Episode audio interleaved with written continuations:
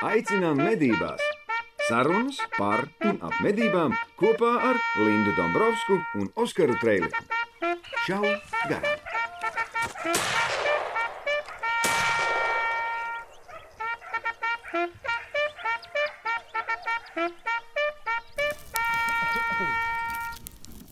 Mums ir 115. epizode, neparastā izskatā un uh, konstrukcijā.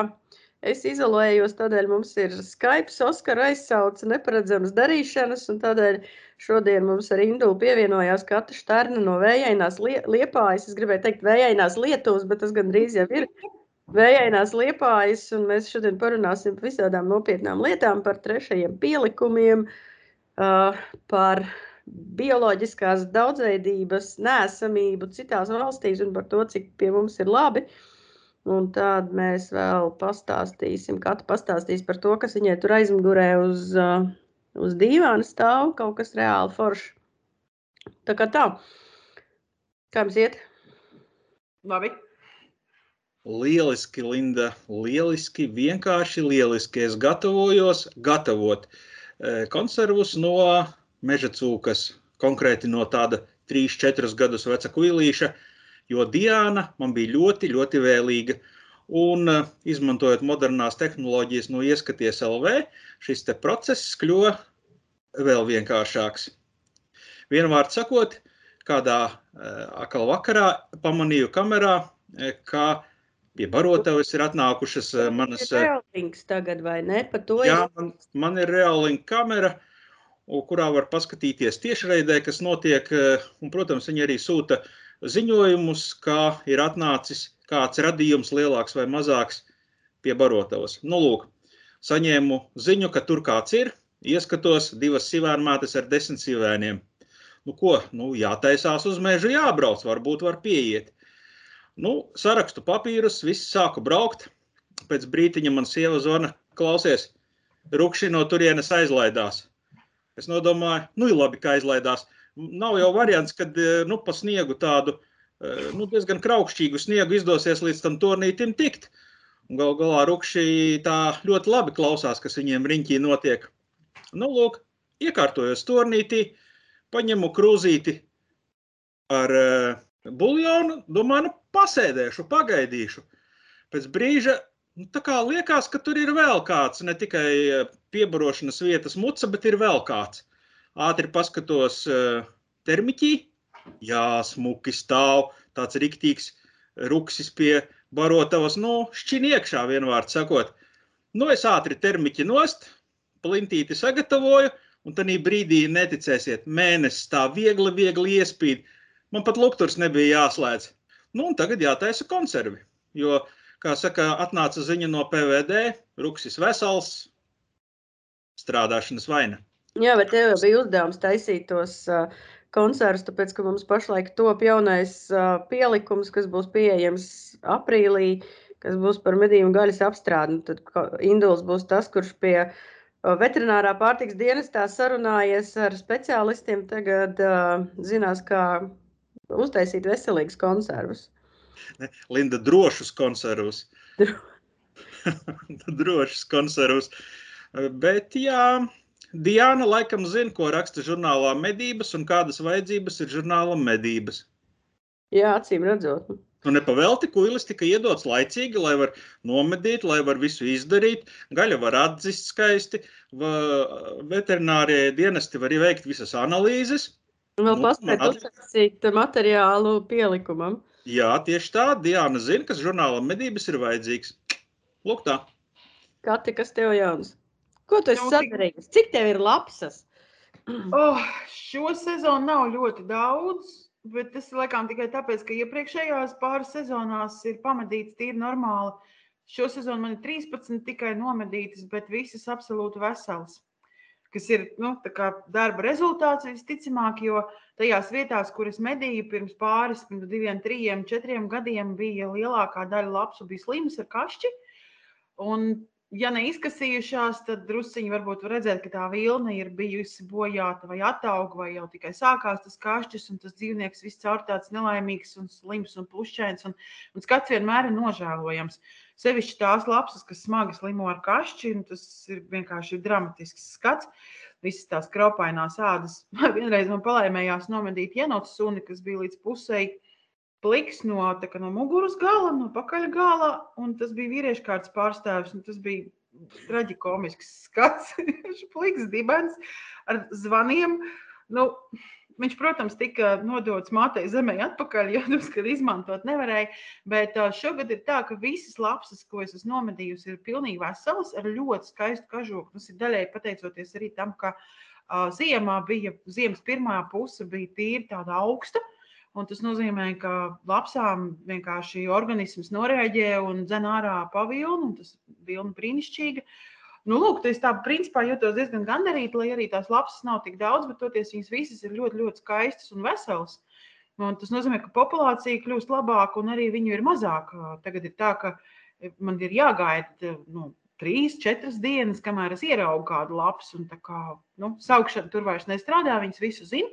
Mašīna manu viņas arī ļoti labi pazīst. Man ir jādomā, kā izmainīt taktiku, kurā kokā uzkāpt, lai es tieku klāt tām atlikušajām divām vai trijām lapsām, kas tur ir. Jo naktī sēžot termiķī pa laukiem, es redzu, kur viņas iet, kur ir viņu takas un cik viņas ir vienlaikus kaut kur platībās. Bet klāt es viņām tikt vairs nevaru, tāpēc ka viņas pašas pie manis nenāk un esmu viņas vairs neinteresē. Viņas saprot, ka ziepes būs, ja iespējams esmu. Nu, lūk, tā man iet ar lapsām šo sezonu.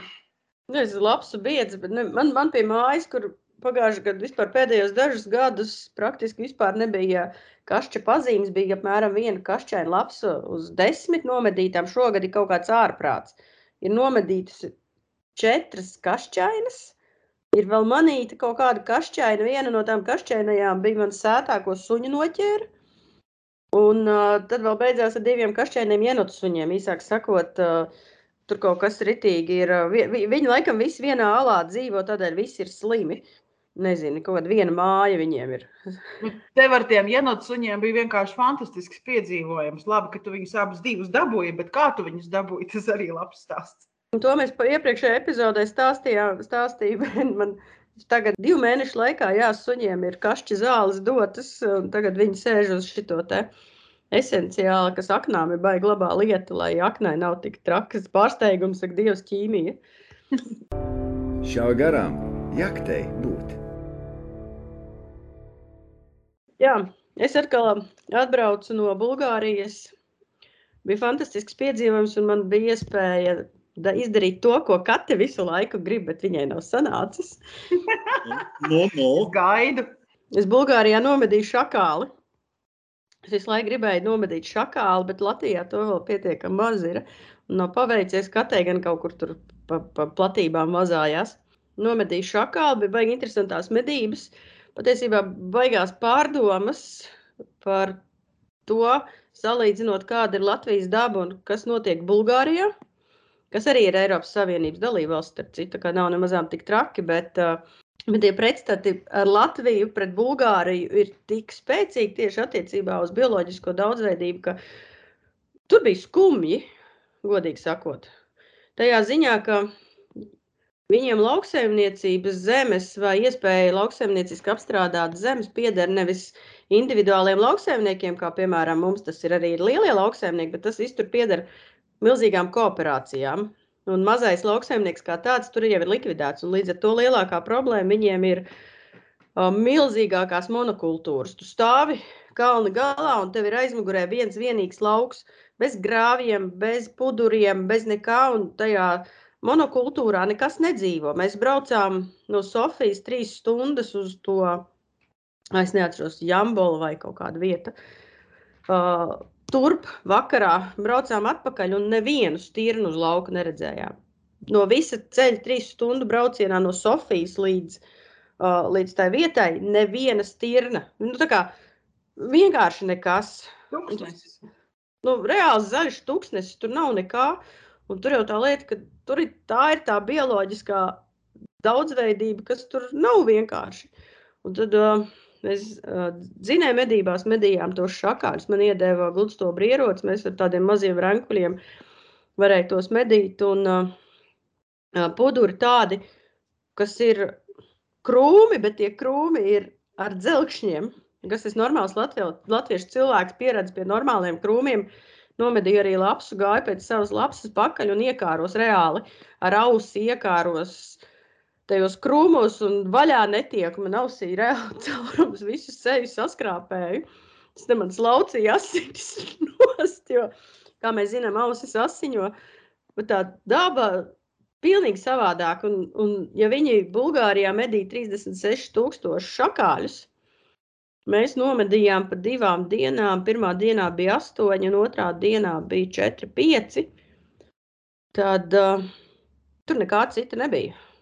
Viens, viens redzēja stirnu, es redzēju pārsteidzošā kārtā divus zaķus. Viss tur ir šakāļi, krūmi. Tur, kur krūmos, kur vajadzēja dzīvot uh, zaķiem un stirnām, ir tikai šakāļi. Nu, droši vien tajos dzelkšņos neviens cits kā šakāls nespēja izdzīvot. Nu, Vai šakālis visu ir apēdis? Tur smieklīgi. Viņi jau nevar izbraukties caur tiem krūmiem. Viņiem zem, starp krūmiem, zem krūmiem ir tāds taciņas, kas ir iestaigāts. Un tev atliek tikai nostāties uz to taciņu un gaidīt, jo, ja viņš tur nāks tajā virzienā, viņš nāks tikai pa to taciņu, tāpēc, ka viņam citu opciju nav. Tad viņš ieķersies ar savām spalvām tajos krūmos, tāpat kā es, un ārā vairs netiks.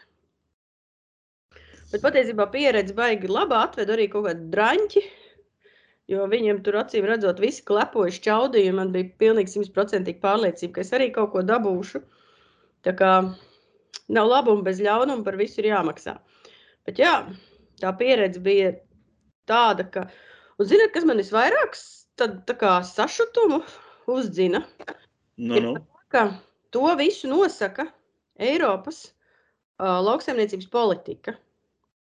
Ir izstrādāta nākamajiem septiņiem, gad, septiņiem gadiem Eiropas lauksaimniecības politika, un kur FATS cīnījās par to, lai lielāka uzmanība tiktu pievērsta bioloģiskai daudzveidībai, bet tur tas lobbyis ir tik milzīgs, ka šīs lietas atstāja dalību valstu ziņā. Un šajā ziņā, kas ir visacīm redzamākais bioloģiskās daudzveidības samazināšanās iemesls, to izlaiž cauri, tā kā nekas nebūtu bijis. Bet tad, kad mēs runājam par medībām, par lūšu medībām vai par, par ilgspējīgu apsaimniekošanu, tad mēs esam slikti jau un mums sāk pret mums kaut kādas procedūras. Tas liekas, ka Eiropas komisijā ir divas galvas, kas vienkārši savā starpā nerunā. Viena runā par to, ka mums samazinās bioloģiskā daudzveidība un viss ir jāizliedz un jāuztais par rezervātiem. Otra galva runā par to, ka viss ir maksimāli jāizmanto. Lauksaimniecība ir pats galvenais. Protams, ka lauksaimniecība ir galvenais, bet mēs, mēs zinām, ka Latvijā ka ir ļoti, ļoti daudz piemēru, ka var saglabāt ceļu malus, var saglabāt pudurus, var saglabāt grāvjus, kur tiem dzīvniekiem ir kur patvērties. Un tad ir gan lauksaimniecība, un tad arī ir dzīvnieki. Nu, tad ir bioloģiskā daudzveidība. Viss ir samērojams, bet ja mēs šitā no viena grāvja otrā grāvī, man pilnīgs tāds sašutums bija. Tā, nu, kā? Nu, kā, nu, kā tas var būt? Nu, tad acīm redzot, mums tas lobbyis nav pietiekami liels, vai es nezinu. Man, man ir grūti par to spriest. Īsāk sakot, par to bija tāds baigās pārdomas. Nu, jā, tad jau šodien varēja justies eh, priecīgs braucot eh, maršrutā skrīveri, trikāta skrīveri. Uz turieni braucot redzēju meža ielokos stirnu bariņus atpakaļ, lai gan bija jau tāds nu, kārtīgs pusdienlaiks. Arī tāpatās stāv ganās, brīnās, ko tas šis brauc un skatās. Bet tā, nu, jauki, ka var redzēt eh, šos te dzīvniekus tuvu arī ceļam. Nu, galvenais, lai nav uz ceļa. Un, protams, jā. mūs, mūsu pusē pamatīgi pali, nezinu, kā pie katras eh, kurzemē ir, bet mūsu visas upītes ir pārplūdušas, izgājušas no krastiem. Nu, skats iespaidīgs. Pie tevis sniegs ir vēl. Nē, mums sniega jau ļoti sen nav, un šodien ir patiesi pavasarīga diena. Es biju ārā ar suņiem pastaigāt, nu, nedaudz vējains, bet nu, tā normāli liepājas normas robežās. Saule spīd, un tur, kur tu nonāc aizvējā, patiešām jau ir jūtams, ka pavasaris tuvojas, jo saule pa īstam silda. Pilnīgi var just to foršo siltumu. Šodien gaišs debesis, skaidrs un spīd saule. Un uh, pie mums palika tādi laikam, nu, nav, tāpēc, ka vārta nav sasalusi, un tā kā sākās tagad viss tā kušana un, un, un lietus ūdens novadīšana, tad vārta bija brīva no ledus, nebija nekāda vižņu iešana, bet mums ir uh, vispār Kopumā ūdens līmenis dabā milzīgs. Vienkārši. Visi lauki ir aplūduši, visas takas zemākās ir aplūdušas, jo šī kurzemes pusē jau ir tāda pilnīgi plakana zeme, var teikt, nekāda paaugstinājuma. Augstākā vieta, man liekas, ir Liepājā centrā, kur ir 1,20 m virs jūras līmeņa. Viss pārējais ir tāds mēreni vienādā peļķē, iegrimis, bet nu, nekas tas ezera ūdens līmenis nedaudz kritīsies, kad beigsies rietumu vēja, un tad viss tas ūdens aizies projām. Bet es arī gribu pievienoties Induļu teiktajam, man arī milzīgs prieks mums pagājušajā reizē, kad es biju medībās, lielajās mūsu lauku, lauku platību daļā, es saskaitīju 45 stirnas. Vienā pusē 20 ar kapekām, otrā pusē vēl 20. Un pa nakti, kad es braucu ar termokameru skatīties, uh, Šogad nezinām iemeslu pēc viens no lauksaimniekiem bija atstājis nenovāktu burkānu lauku. Nu, tad tajā burkānu laukā bija tāds festivāls. Nu, tur bija stirnas un zaķi un lapsas un kaut kādi vēl, nezinu, maziņi susuri. Nu, var sakot, viss bija pilnīgi balts, gan drīz vai tas lauks.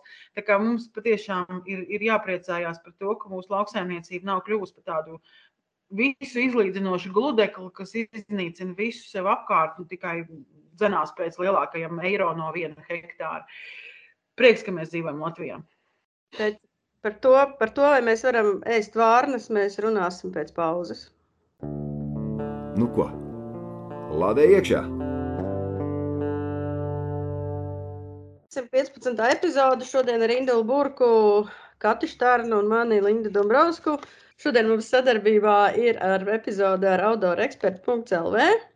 Un kāpēc mēs sākām runāt par vārnām, ir pieminot mūsu zināmāko šefpavāru, kurš devās citos medību laukos.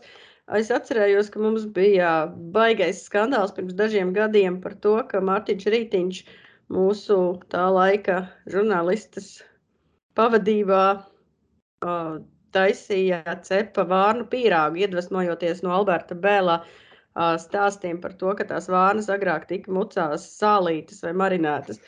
Nu, Naudora eksperts piedāvā vārnu svilpi. Pēc svilpas neizklausās, bet pēc dramatiskas ķerkšanas, uz ko nāk, man liekas, viss, izņemot vārnas. Mazliet pārspīlēju, jā, bet ķerkšana ir interesanta. Bez šīm ir vēl dažādas svilpes, lapsu, pievilināšanai, pelītes skaņas, plašāka mēroga svilpas varat apstīties. Un, ja jums tas medību veids interesē, pamēģināt, kā jums ir ar vārnu medībām. Nu, šogad nav būts, bet laikām, laikām tagad sezona ir beigusies, nu, tā kā lielā, lielo zvēru sezona. Meža cūkas liepājā, liepājas pusē, laikam arī drīz stipries mazumā, jo mūs beidzot ir sasniedzis Āfrikas cūku mērs. Ilgu laiku, var teikt, nu, visu šo laiku patiesībā. Liepājas puse Nīcas novads bija tāds. Bija tāds tā kā saliņām aizsargāta, kaut kādu, nezinu, dievu labvēlības pasargāta no Āfrikas cūku mēra. Mēs dzīvojām mierīgi, cūkas bija, analīzes nebija jānodot, bet tagad, tagad Bārtas krastas šī slimība ir sasniegusi, ir atrastas un ir nomedītas. Mm, slimas un ar antivielām cūkas. Mēs tagad arī esam saskārušies ar to, līdz ar to rēķinamies ar to, ka būs mazāk kaut kāda medību iespēja. Bet, nu, kā saka, mednieku sezona jau nebeidzās nekad būtībā, mainās tikai sugas. Nu, līdz ar to tagad pavasarī varbūt var medīt vārnas. Un, jā, nu, šogad es vēl neesmu bijusi vārnu medībās, bet es plānoju to darīt. Tu esi to svilpi mēģinājis. Es esmu, bet tās bija baigi gudrās. Man liekas, tās svilpi ir jāizmanto Tur, kur ir uh, milzīga kaut kāda populācija un postījumi, un tad to svilpi var baigi sekmīgi izmantot, lai piesaistītu uzmanību. Man bija viena vārna, kur sēdēja 400 metrus kokā, vēroja mani un ķērts pretī. Es paķērts, viņa paķērts, es paķērts, bet viņa tā arī neatlidoja līdz manim. Nu, man liekas, ka ir bez mazliet pa tumsu jāizbrauc uz kaut kādām platībām, jāpaņem līdzi uh, nu, labākajā gadījumā kaut kāda maita, sliktākajā gadījumā Maksims Maisiņš, ko pie koka pies, piesiet un, un iesprāst zemē, lai viņš vējā plivinās, un tad tu tumsā iesēdies kaut kur krūmos. Un tad, kad augsts gaisma un putni sāk pārvietoties, tad tu sāc ķert, un viņi nāk skatīties, kas tur īsti ir tur uz tā lauka. Bet man bija smieklīgs piedzīvojums tāds, mēs braucām ar suņiem pie ezera tās vārnas medī, tur ir vairāk tādi koki. Nu, mežs nav krūmāji, nav, bet ir lielie koki. Un tad viņš tur tajos kokos loģiski arī pulcējās. Un labā laikā viņš tur pa gabalu var redzēt, ka tās vārnas tur ir sasēdušas. Nu, lūk, un tad bija tā, ka mēs gājām pa dambi pie tiem kokiem piegājām, tad gājām tālāk, vienkārši gaidot, ka vārns varbūt lidos pāri no ezera uz lauku un no lauka uz ezeru, jo viņš tur visu laiku kursē.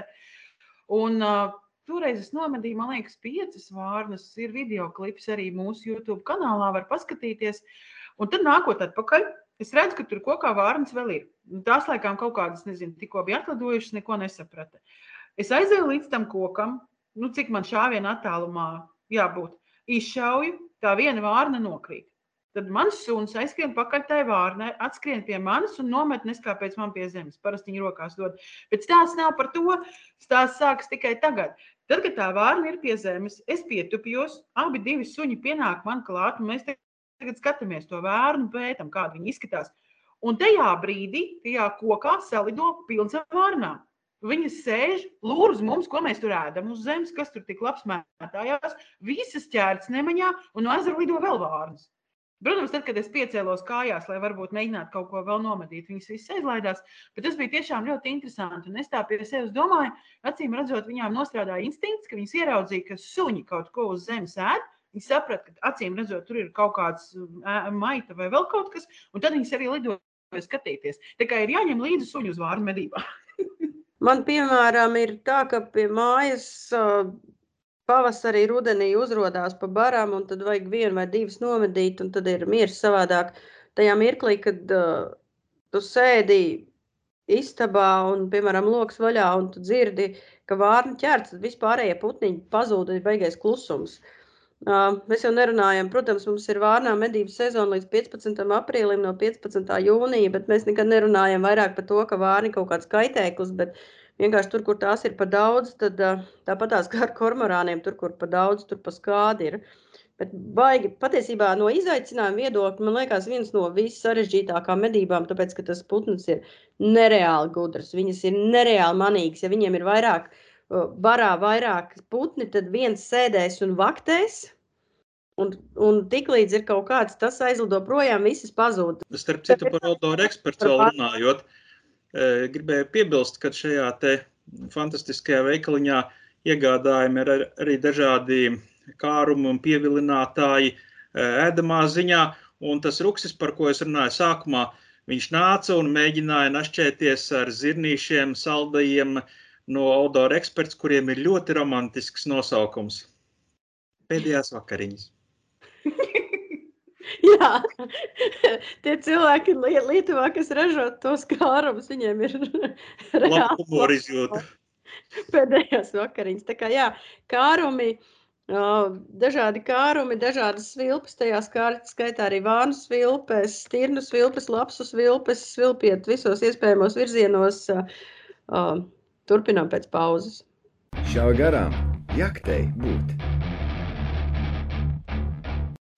Tā, draugi, mīļie, mums bija viens jautājums žurnālā medības no lasītāja par to, ko darīt, ja pazūd marķieris. Indulis, man liekas, janvāra numurā prasīja Valteram Lūsim viedokli. Valteram Lūsim bija viedoklis par to, kāds bija viedoklis Induli par to, ka, ja kas gadās ar marķieri, nekavējoties ir eh, jāziņo uh, valsts meža dienesta darbiniekiem, lai gadījumā, ja pēkšņi ir kāda pārbauda, nebūtu tā, ka tevi pieķer ar medījumu bez marķiera, kas ir medību atļauja. Jā, jo un, un tad mums uh, atnāca ziņa, ka pēc publikācijas, manuprāt, medībām.lv par to, ka žurnāls medības rakstot aplamības, uh, Jo tā esot valsts meža dienesta interpretācija, jo nekur nesot pateikt, cik ilgi marķierim ir jābūt virsū vai nav jābūt virsū. Nu, mums tur izvērtās mūsu komandā čatā, izvērtās baigās diskusijas par to, un tad Indulim bija vēl viens uzdevums vēlreiz paņemt Valteru Lūsu no valsts meža dienesta medības, medību daļas pie dziesmas un izspiest no viņa visu patiesību. Nu, un es ķēros pie tālruņa Un šeit mēs varam paklausīties uh, Valtera Lūša skaidrojumu, cik tad ilgi, kurā vietā un kā jātur ir šis te marķieris. Un galvenais, ko Lūša kungs uzsvēra, ka ne jau trešais pielikums ir uh, šī medību atļauja, bet tieši šīs te plasmas savilcējs, numurētais, šobrīd ir medību atļauja, kas apliecina, ka medījums ir nomedīts likumīgi. Eksperta viedoklis. Tā, tā kā ir noteikumos rakstīts, ir tā tad var, tā kā, nu, ja, ja, ja tas dzīvnieks kamēr nav, netiek dalīts, nu, tā kā netiek pirmapstrāde veikta, jābūt marķierim ir klāt visu laiku. Nu, arī marķieri var atstāt, kad ir veikta pirmapstrāde, jā, nu, tas vispār apliecinās tā leģitimitāti ieguvis, jā, bet konkrēti dzīvnieks, ja nav nu, dalīts, no, nav āda vilka, nav sadalīts loģiski, ja šim marķierim jābūt ir klāt, var tikai iekšējos orgānus izņemt. Un visu laiku, jo pretējā gadījumā, kā, nu, tā ir tikai tāda runāšana, ja Vesi uzliku savilcē, viņš pazud, jo trešais pielikums pēc būtības nav nekas.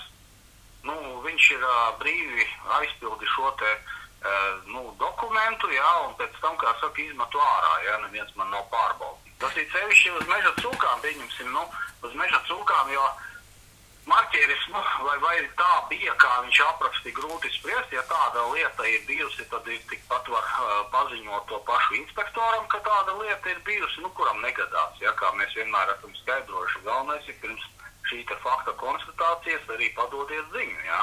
Bet uh, tur, tur tā nianses ir, ka uh, kamēr tu šo, nu, šo te neapstrādā, ja, tikmēr jābūt marķierim klāt.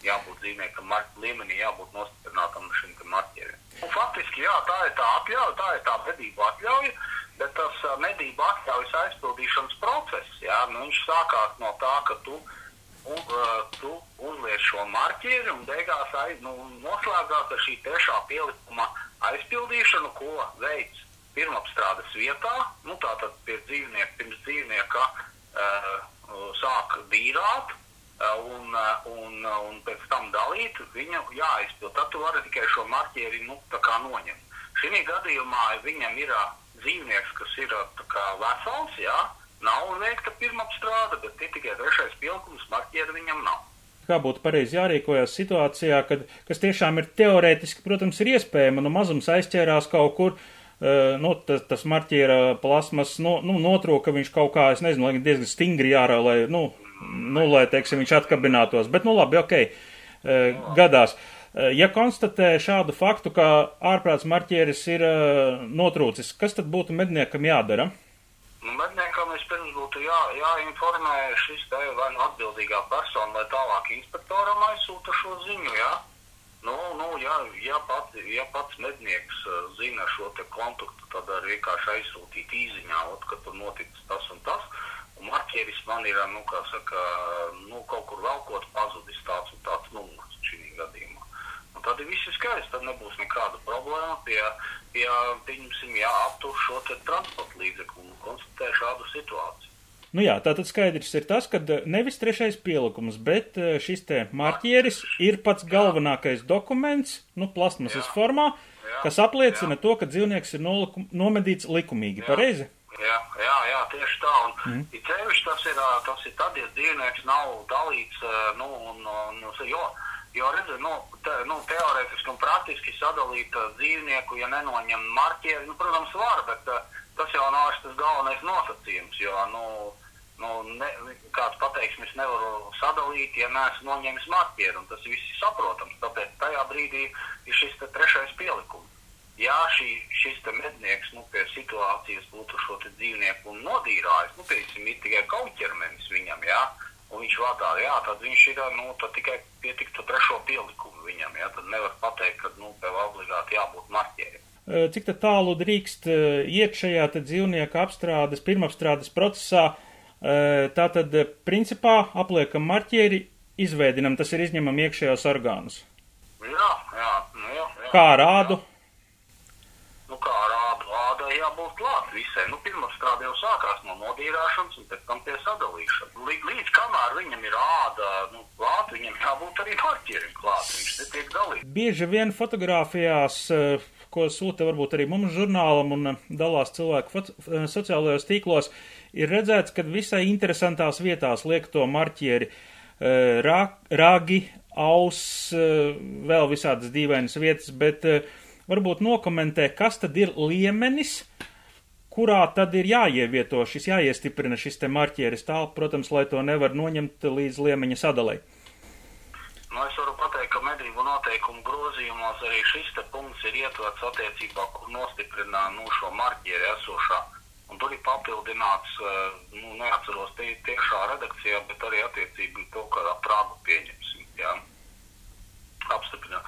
Primārais ir galvenais, lai eh, šo te marķieri nesabojātu, jo nu, iespējams viņu noņemt no šī dzīvnieka. Tātad, eh, ja viņš ir nostiprināts dzīvniekā un eh, nesabojājot, es viņu nevaru noņemt, jā, nu tad viss ir kārtībā. Ja es varu noņemt viņu nesabojājot, nu tad nav kārtībā, jā, kritērijs. Tas būtu tā, ka vaļīgi aplikts ap kāju, ka var nomaukt, es nezinu, par ausi, kā tur būs. Nu, tur, tur, ir, tur ir tā lieta, ka, ja viņš ir iz, izlietots, jā, tad tu viņu vairāk līmenī nevar, nu, pieņemsim, nevar nemaz arī ievietot. Mm. Ja pieņemsim tādā, saku, vienkārši viegli savalku un pēc tam nogriež un kaut kur uz kājas uzmauc, jā, vai kaut kur tā jau ir, tātad tā nav nostiprināšana līmenī. Nu, pēc tāda izpratnes ir, nu, bija arī diskusija par to pašu ragu. Ja? Es esmu vienmēr teicis tā, ja ir nostiprināts marķieris tā, ka viņu nevar noņemt nesabojājot, ja? nu, tad viss ir kārtībā. Ja viņu var noņemt nesabojājot, nu, tad viņš nav atbilstošs, tas kā nostiprināts līmenī. Tad, principā, ja arī mednieks būs aplicis ap ragu, un savilcis tā, ka viņš principā ir jāpārgriež tas marķieris, nu, lai varētu noņemt no šī raga, tad viss ir kārtībā. Nu, protams, jā, nu, protams, kad ir, bet tā kā tu minēji ap kāju, ap, nu, pieņemsim ap kāju, jā, un attiecīgi tad teikt, kad, nu, viss ir kārtībā, nu, nav. Ja tāpēc es to kāju varu no, nu, nocirst vai kā novilkt un uzlikt uz kāda cita nu, jautājums. Ja, jo, ja tu aiz aizmugurējās dīkslas, nu, pieņemsi pārgriezīs un uzvilkt, tu jau nevari viņu noņemt, ja tu nevari nu, viņu nesapojā. Mēs jau arī skatāmies uz to, ka neviena jau sistēma nav ideāla un arī šī marķēšana it kā atvieglo, bet tajā pašā laikā negodprātīgi jau vienmēr atradīs nu, kaut kādu iespēju apiet šo šo sistēmu, bet attiecībā par meža cūkām tur mēs varam teikt, jābūt dubultā, jo nu, šādā formā, eh, nu, kā, kā minēja, ja, nu, kā var teikt, in, in, no inspektora puses, ja, marķiera nav. Nu, dzīvnieki, nu, viņš stāsta, ka tāda situācija ir, ir ja, tad, tad nozīmē, ko viņš ir nu, nomedījis likumīgi, nu, nu, it kā, nu, it kā viņš pa, paziņo, ja trešais pielikums ir izpildīts, te pašā laikā vat, viņš aizved to meža cūku uz mājām, izmet to trešo pielikumu, un neviens neuzzina, ka nu, viņš nekādas analīzes nenodod, ja mēs neiegūstam informāciju. Viņam marķieris ir, un viņš šādi tā to marķieri visu laiku tur ir darbojās, ja viņam vairāk viņu nevajag, viņam viens ir, nu, pie negadījuma viņš var viņu parādīt, vai vienmēr teiks, ka viņš ir saplīsis. Jo man, pieņemsim, jo bija pretenzijas pret marķieriem to, ka nobilst numuri. Nu, pieņemsim, ir bijuši tādi gadījumi, jā, vismaz mums. Bet tas, ka šie marķieri ir plīsuši, nu, tādā formātā, ne, protams, ka visu ko var saplīst, jā. Nu, ļoti reti gadījumi tādi bijuši, un, un ja viņš ir nostiprināts attiecīgi, nu, nezinu, tā, kā viņam vajadzētu būt nostiprinātam, ja, stingri savilktam nu, tad jautājums, eh, kā viņu tik viegli var pāraut. Jā.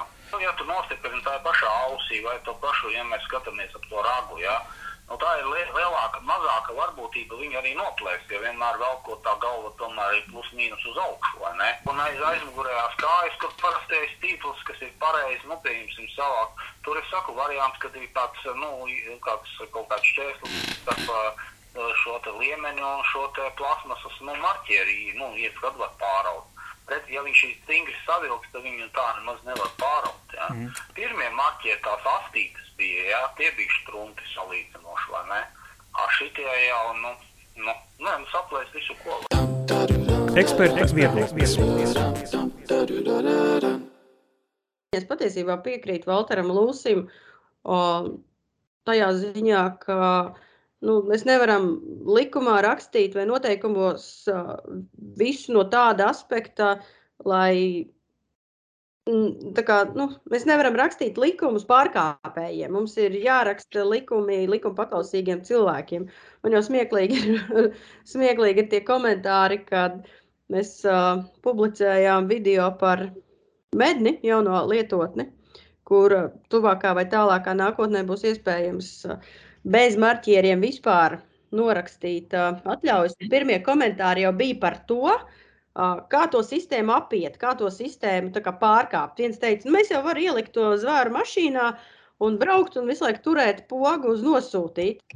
Nu, un, un, un, ja nav inspekcijas, tad tu nenosūti. Tu, kas man liekas absolūti muļķīgi, jā, jo arī runājot par to, pa, pa marķieru un trešo pielikumu, ir bijuši gadījumi un dzirdēts par to, ka uzraksta trešo pielikumu bet neizlieto marķieri, kas man liekas kaut kā, nu, tas ir pārkāpums un tas ir uh, pilnīgi nevajadzīgi.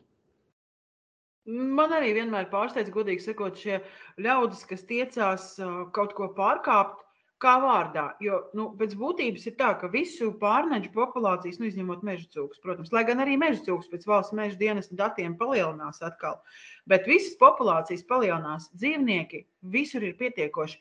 Kāpēc ir kaut kāda nepieciešamība nenorakstīt to savilcēju, neizmantot viņu?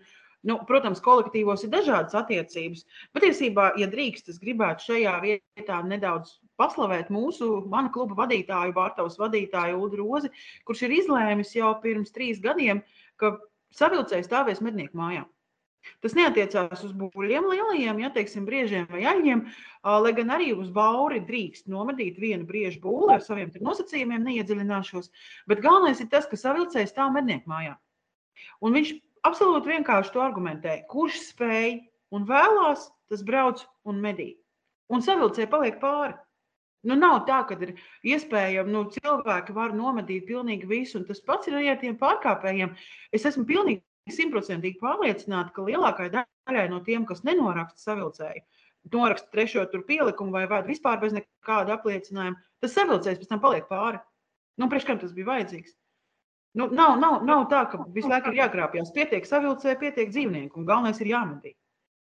Es domāju, es tev pilnīgi piekrītu, tāpēc, ka man liekas, ka pirms kaut kāda laika, pirms Āfrikas cūku mēra, tad bija tā, ka to savilcējs deva kā ziluma zāles. Tad bija valsts meža dienestam tas uzstādījums, ka uh, limitu piešķīra ar nolūku palielināt dzīvnieku skaitu, un tad bija tā, ka bija sajūta, jo vairāk dzīvnieku, jo vairāk uh, atļauju, jo vairāk ir ko medīt, bet principā tik un tā. Mēs, mēs zinām pa stirnām, uh, nomedīja apmēram pa visu Latviju 60-68% no noteiktā limita. Nu, kur ir problēma? Nu, kāpēc nevar tos savilcējus norakstīt? Nu, tas rāda patiesībā, tas rāda, jo par šādiem gadījumiem patiesībā runā, raksta, tur no, noķēra pārkāpēju, tur noķēra pārkāpēju, un beigās tas ar to, ka liek uzlikts melns tāds pleķis visiem medniekiem. Nu, jā, visi mednieki ir sliktie, visi pārkāpj likumu un tur ar ieročiem brauka apkārt, šaudās pa naktīm, neskur vai ne. Tā ir. Tašņaukušies vēl arī kaut ko piedevāt. Mūsu klubā arī principā nav nekādu problēmu, ja tu vēlies ej un medī, galvenais ej un dari to. Un savilcējs nav pilnīgi nekāda problēma. Jā, protams, tā kā Kati teica, arī mums ir riestā Gaidas medībās ir nosacījumi, kādu tad briežu vai kādu alņu bulli drīkst medīt, bet citādi vienkārši galvenais vajag iet un darīt to. Es domāju, medīt un savilcējs vienmēr būs, un arī šobrīd, piemēram, es nomedīju vienu ruksi, kā saka, es paņēmu nākošo savilcēju, un viss viņš man stāv mapītē pie dokumentiem, un ja atkal būs kamerā situācija, ka es sapratīšu, ka ir jābrauc un jāmedī, nu, es vienkārši braukšu un darīšu to. Un nu, man nebūs jāuztraucās ārprāts, man nav savilcēja, nu, viss tagad viss ir slikti un meža cūka nevarēs, meža cūka nevarēs nomedīt. Vienkārši vajag uh, izmantot tās iespējas, kas ir.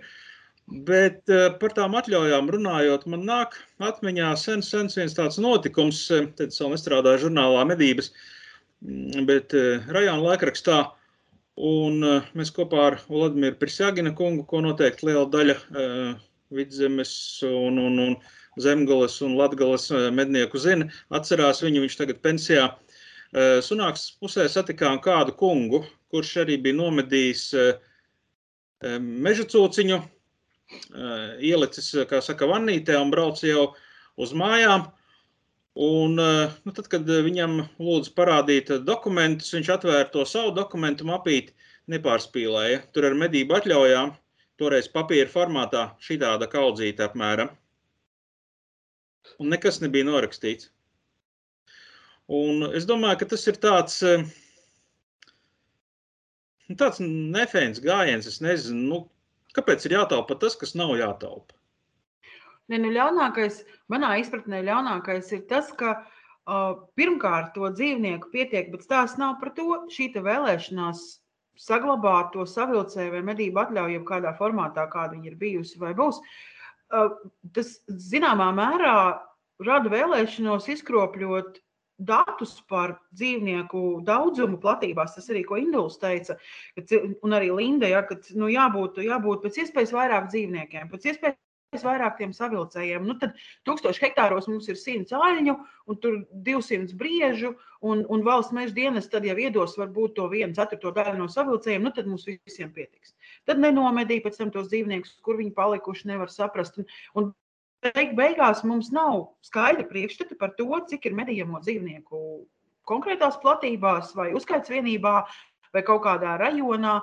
Tikai tāpēc, ka kaut kādu mistisku iemeslu dēļ cilvēki vēlas nezinu, piemānīt sevi, valsts meža dienestu, visus pārējos. Nu, tas ir muļķīgi. Mums jā, jāatbildīgāk ir jātiecās gan pret saviem resursiem, gan pret, pret šiem dzīvnieku resursiem visā valstī. Es jau pieņemu, es pieņemu, ka ir kolektīvi, piemēram, nezinu, katrs mēs esam kādreiz saskāries ar to, ka tos savilcējs patiesībā nedod. Tur iedod vienu, un tad ar to vienu braukā, un tad mēģina visādi šmugulēties, lai kaut ko vairāk nomedītu. Es atceros arī no sen, seniem laikiem, tad, kad es sāku iet pa dzinēju un sāku, nu jau bišķi vēlāk sāku sevi apzināties kā mednieks. Jā, tas bija pašā sākumā, kad es uh, sāku jau ar plinti staigāt kaut kādu 2000 trešais vai kaut kāds sen, sen. Un tad bija tā, ka Visi ņirdza par to, ka kolektīvā bija viens tāds vecis, kurš reāli ar vienu savilcēju pa sezonu bija nomedījis 15 stirnāžus.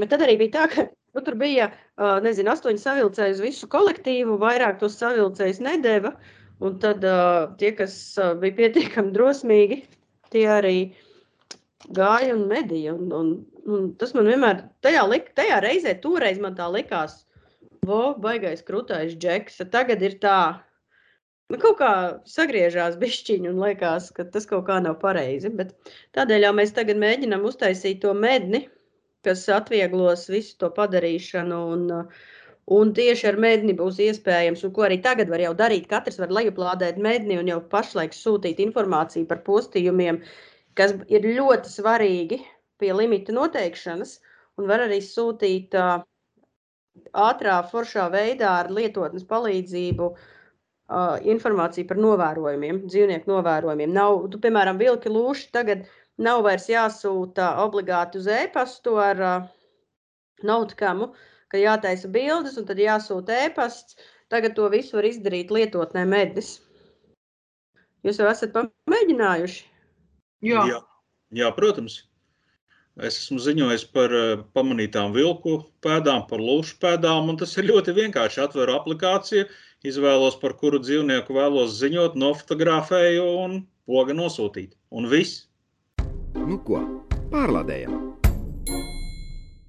Kas man uzrunāja no Valtera stāstītāja, tas, ka vēl pirms kaut kāda laika bija diskusija uh, un informācija. Es pat atceros, ka bija viena no virsmežniecībām aizsūtījusi arī mūsu kolektīvam, bija atsūtījusi vēstuli, kurā bija teikts, ka savilcējs uz rāga nedrīkst likt, tāpēc, ka uh, noteikumos ir pateikts, ka ir jāliek liemenī uz liemeņa, un uh, kaut gan arī tas ir neprecīzi, jo pēc kaušanas kaut kādiem noteikumiem liemenis ir ķermenis bez galvas un bez ādas, un uh, Un lasot tā kā pēc burta, tad sanāk tā, ka mm, valsts meža dienests tajā laikā, pirms kaut kādu laiciņu interpretēja, ka savilcēju uz nevar likt uh, uz rāga, kas man likās, nu, ja tu viņu piestiprini tā, ka tu nevari viņu noņemt to nost, uh, to nesabojājot, kur tad ir problēma? Un tagad es sapratu pēc induļu sarunas, ka šajā ziņā ir uzlabojumi.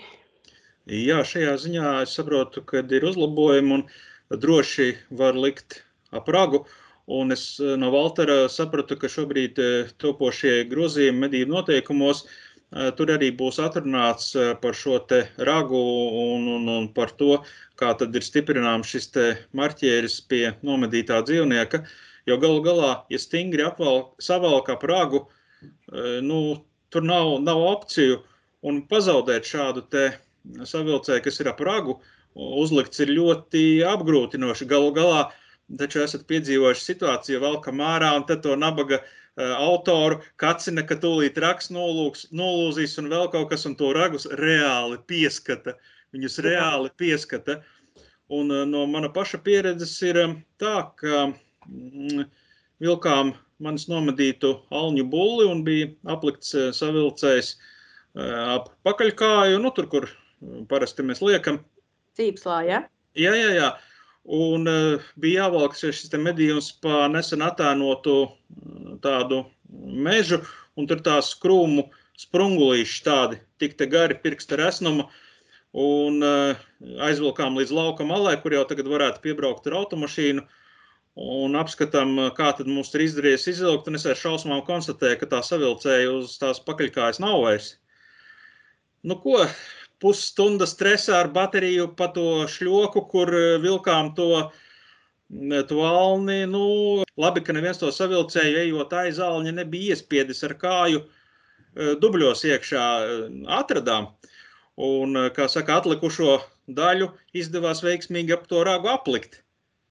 Nu, tur tāds mazs galiņš bija, bet izdevās viņu salikt kopā un savilkt, nu, tā, lai, lai būtu iezīmēts pie raga, vismaz, kā saka, nebija liela radziņa tam alnītim. Bet, nu jā, um, arī ar Walteru runājot, ka šie savilcēji sākotnēji bija tādi, kas diezgan viegli trūka lūza. Nu, šos te tagad, kas šobrīd ir, nu, pamēģiniet vēl pārraut. Tas būs ļoti jāpiepūlās, lai tas tā notiktu. Jā, jo patiesībā man arī tā liekas, tieši pieliekot pie raga un cieši savalkot tās iespējas to savilcēju, tīpaši, ja mēs runājam par stāvbriežu ragu, tad tās, tās iespējas ir pazaudēt ir mazākas, tāpēc, ka viņš ir cieši. Protams, mums vēl ir stirnu kazas, govis, teļi, briežu aļņu, kur, kuriem nav ragi, bet jā, viņš vienkārši, man liekas, ir ritīgi stingri jāsavalk, tad tās iespējas pazaudēt būs stipri mazākas. Nu jā, jo arī Valters taču uzsvēra, ka svarīgi viņu izlietojot ir savilkt tā, lai viņu otro reizi vairs nevar izmantot. Nu, tad arī principā apliekot uh, to tievo stirnāža ragu uh, nu, starp pamatni, starp rozeti un pirmo žuburu, teiksim, vai arī, nezinu, tā stirnu uh, kazai vai, vai briežu govī, nu, arī ieliekot, teiksim, ausī, tur tā ap skrimsli var izdurt un savilkt pietiekoši stingri, uh, Lai principā pēc tam nav nekādu domu, ka viņu varētu vēl kaut kā atķibināt, vēl ap kaut ko aplikt. Nu, vienkārši stingri jāsavalk un viss. Jā, tik un tā man citreiz, lai man piedod vēl smežu dienas, bet uh, vienmēr ir radies, diemžēl ir radies iespējas, ka mēģina citreiz piekasīties par kaut kādiem sīkumiem, uh, bez pamatojuma. Bet, nu, labi, es pieņemu, ka katram inspektoram konkrētās situācijās ir savs pamats un savs pamatojums un skatījums, un viņiem arī ir gadu, gadu gaitā izstrādājies instinkts, ka viņi jūt, vai tur tie tur džeki ir godīgi, vai viņi kaut ko slēpj, vai viņiem acīs jau zība kaut kādas ne, neģēlības, piemēram. Bet, nu, labi, bet par to jau mēs vienmēr runājam, ka vienmēr vajag uh, diskutēt un skatīties uz motīviem un izvērtēt katru situāciju individuāli. Nu, tādēļ mēs arī aicinām tos medniekus būt atbildīgiem. Un, Nav jau mūsdienās šobrīd vairāk tā, ka trūkst to savilcēju. Nu, tieši tā, savilcēji ir gana un arī dzīvnieku pietiek. Nu, kāpēc, kāpēc kaut kādas blēdības ir vajadzīgas tikai tāpēc, lai blēdītos? Jocīgi. Nu jā, tā kā atceramies, ka savilcējs ir jāuzliek pirms dzīvnieku transportēšanas. Un, kā skaidroja Valters Lūsis, tad uh, savilcēju var noņemt pēc tam, kad dzīvnieks ir sadalīts un norakstot trešo pielikumu, vai arī var noņemt tad, ja novilkt tāda un uzrakstīts trešais pielikums. Ja tiek pārvadāts dzīvnieks bez savilcēja ar visu ādu, bet izlaistām iekšām, tad tas var radīt aizdomas par to, ka, nu, ja tikai trešais pielikums aizpildīts, var radīt aizdomas par to, ka nodomi nav godīgi. Bet, piemēram, ja es vasarā braucu mājās un vedu mašīnā savu stirnāzi ar iekšām vai bez iekšām uh, mājās, un uh, uz kājas viņam ir vai ausī vai uz rāga ir savilkts savilcējs, tad jau būtībā man nekāds trešais pielikums nav vajadzīgs un jautājumu nav. Nē, nē, nē, nē. vienkārši ir otrādi. Ja tu vedi savu stirnāzi vasarā bez savilcēja, bez iekšām ar ādu, un ar trešo pielikumu, tad uh, inspektoram var rasties aizdomas, kāpēc tā, un tad tu vari mēģināt viņam skaidrot, ka tu esi velkot kaut ko pazaudējusi. Bet uh, tas Valtera Lūša nosacījums, paskaidrojums bija tāds, ka tajā mirklī, ja tu konstatē, ka kaut kas ir pazudis un kas arī var būt, uh, var visādi notikt. Mēs taču esam medībās, mēs neesam, mēs nepastaigājamies pa vērmanīti. Uh, tad ir jāziņo vai nu atbildīgai personai, kura noziņos tālāk inspektoram, vai arī, ja ir valsts meža dienesta inspektora pašam tāluņa numurs, tad var paziņot par tādu lietu. Un tad, ja tiks paziņots, es nedomāju, ka būs kādas problēmas. Šī sakarā man ir jautājums. Mēs visi zinām, ka bieži vien mēs medījām vai nu stipri agri no rīta, vai stipri vēl vakarā. Brīvdienās, kādā formātā var kāda dažāda formāta ir iespējama šim ziņojumam, vai tas ir tikai telefona zvans ar atbildi saņemtu, vai tā var būt īsiņa vai kā? Manuprāt, manuprāt nosūtīt īsiņu vai WhatsAppā ziņu uzrakstīt, ja viņi lieto WhatsApp, un tad piezvanīt. Tāpēc, kā, kā teica Arturs Surmavičs, ir jāspēj izsekot šai informācijai. Piemēram, ja tu esi piezvanījis un neesi ierakstījis sarunu, tad pēc tam var pateikt, ah, tu Tu man zvanīji, es neko neatceros. nu, jā.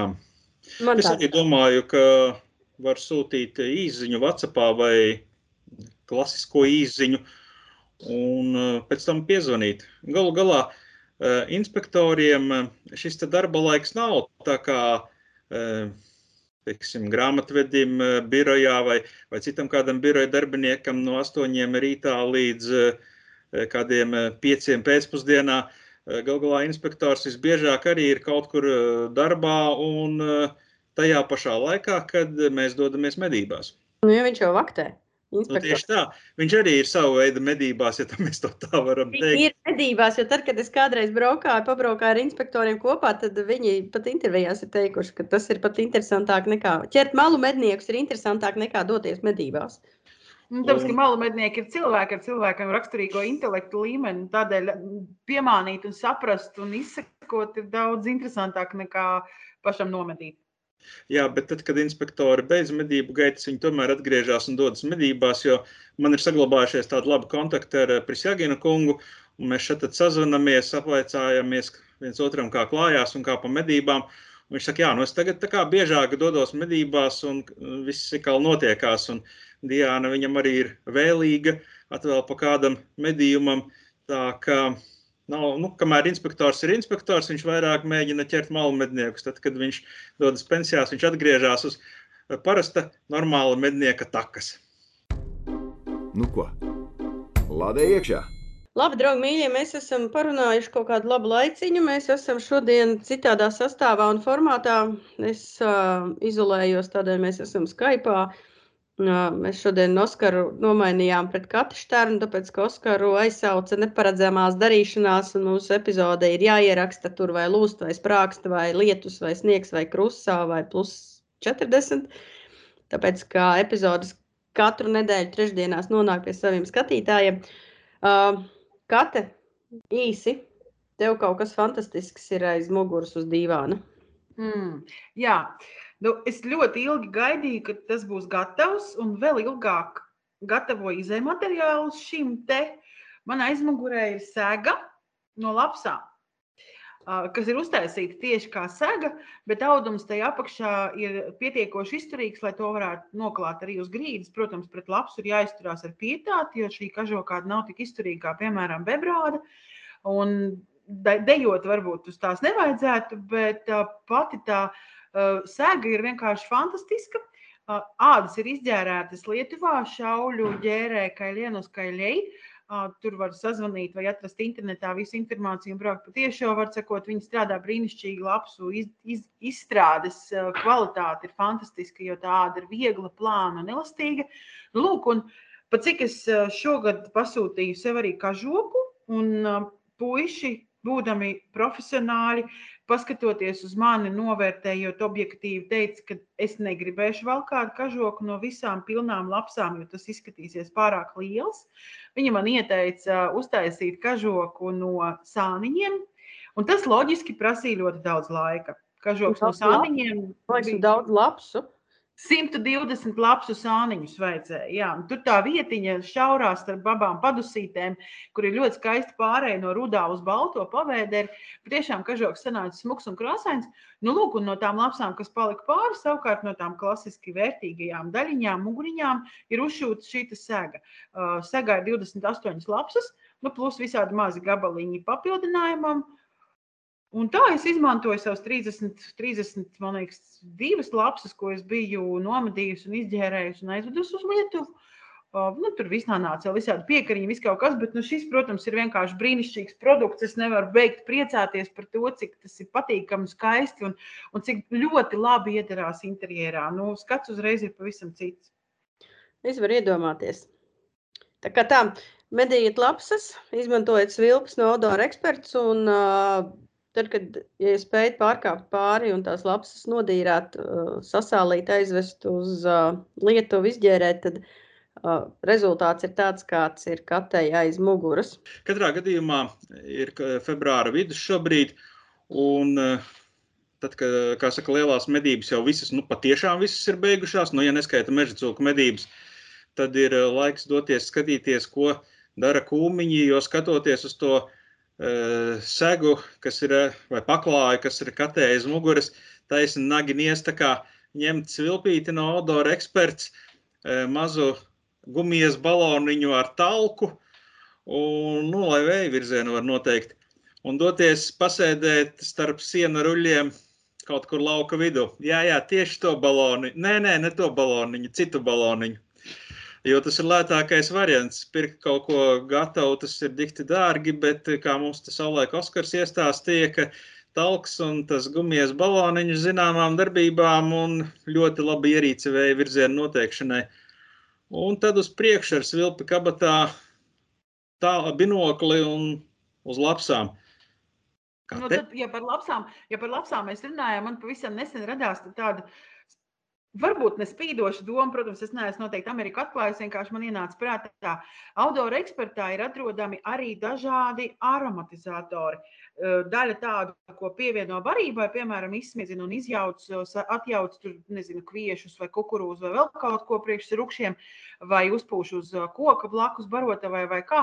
Bet ir arī tādi aromatizatori, kas nu, cilvēku degunām var būt šķisti šausmīgi atbaidoši. Piemēram, kaut kāds ar zivju smaku. Precīzi nosaukumu nepateikšu, bet tur ir viennozīmīgi zabuļuši zivju smaka. Un, Siļķe. Kā? Mirdīgā siļķe.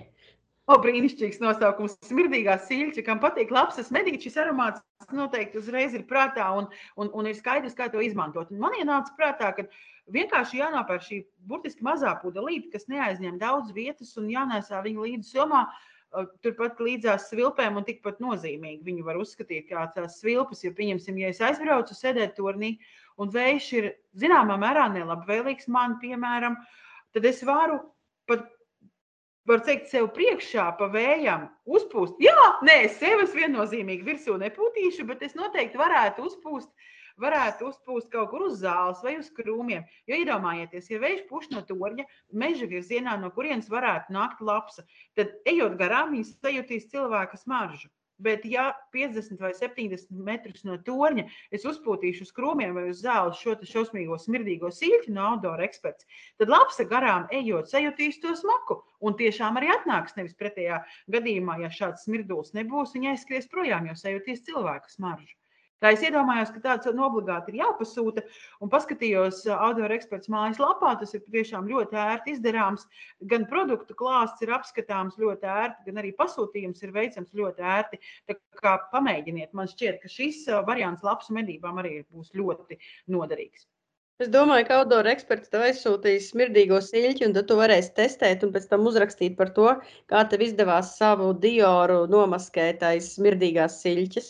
Jā, pēc tam es rakstīšu noderīgos padomus tiem, kas vēlēsies nomazgāt rokas, kur, kur, kur būs sasmirdinājušās ar to sīkumu. Praktiskais padoms, kā tikt vaļā no vīra vai sievas. Man tikko ienāca prātā eh, viena interesanta ģeķīga ideja. Varbūt uh, labs medībās labi veiksies tiem, kuri ir iecienījuši sirstramingēšanu. Tātad eh, paņemam buļģiņu, dodamies uz medību vietu, taisam vaļā, un ceram, ka kamēr starp vienu un otru maizīti atnāks arī lapsa. Starp citu, es esmu runājis ar Zviedriem. To, ko video viņi taisa vaļā tās buļģis, un pēc tam vēmi visos iespējamos virzienos, tā nav tā, tā, tā buļģiņa nav jātaisa vaļā. Tā buļģa ir jātaisa vaļā ūdens, spaini ūdenī.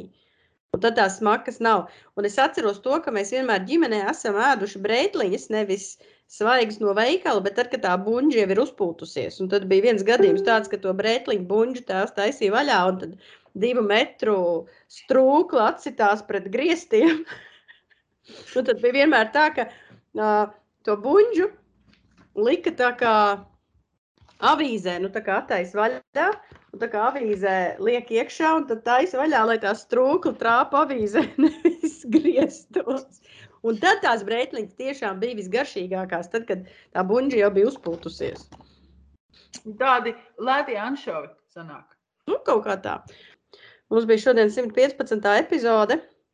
Es vēl gribu pateikt to, ka mēs vēl bišķiņ parunāsim 15, 20 minūtes, kas būs mazā epizodē tiem, kas mums ir īpašie uzticamie fani un pievienojušies uh, žurnāla medības YouTube kanāla maksas programmai. Uh, Šonadēļ mēs nevarējām, diemžēl, uztaisīt tiešraidi, tāpēc ka uh, laiki ir tādi, ka neko nevar saplānot un paredzēt. Uh, tādēļ mums būs mazā, mazā ekstra tieši mūsu īpašiem skatītājiem, šādā pašā sastāvā.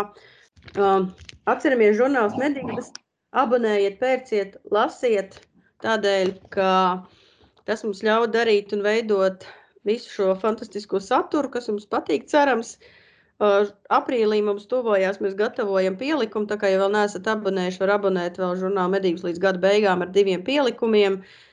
Mūsu īpašajiem faniem un pateicamies visiem, visiem, visiem, kas mums jau ir pievienojušies. Ir YouTube kanāla maksas sadaļa, divas iespējas, lētāka un dārgāka. To var izdarīt, ieejot no datora YouTube kanālā, žurnāla medības YouTube kanālā un zem video uzspiežot pievienoties. Vienkārši abonējot uh, žurnāla medības YouTube kanālu pie īpašā maksas satura, jūs netiksiet.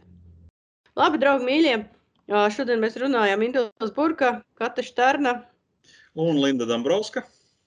Uh, mazliet savādāk, tāpēc, ka laiki mainīgi un neko nevar paredzēt mūsdienās, bet epizode iet pie jums gaisā. Atcerieties, abonējiet, lasiet, atbalstiet mūs, un tad jau mēs tiekamies nākamnedēļ atkal un e, šaujiet garām. Un galvenais - nemēģiniet mežā. Ņemamies nost. Masts beidzies.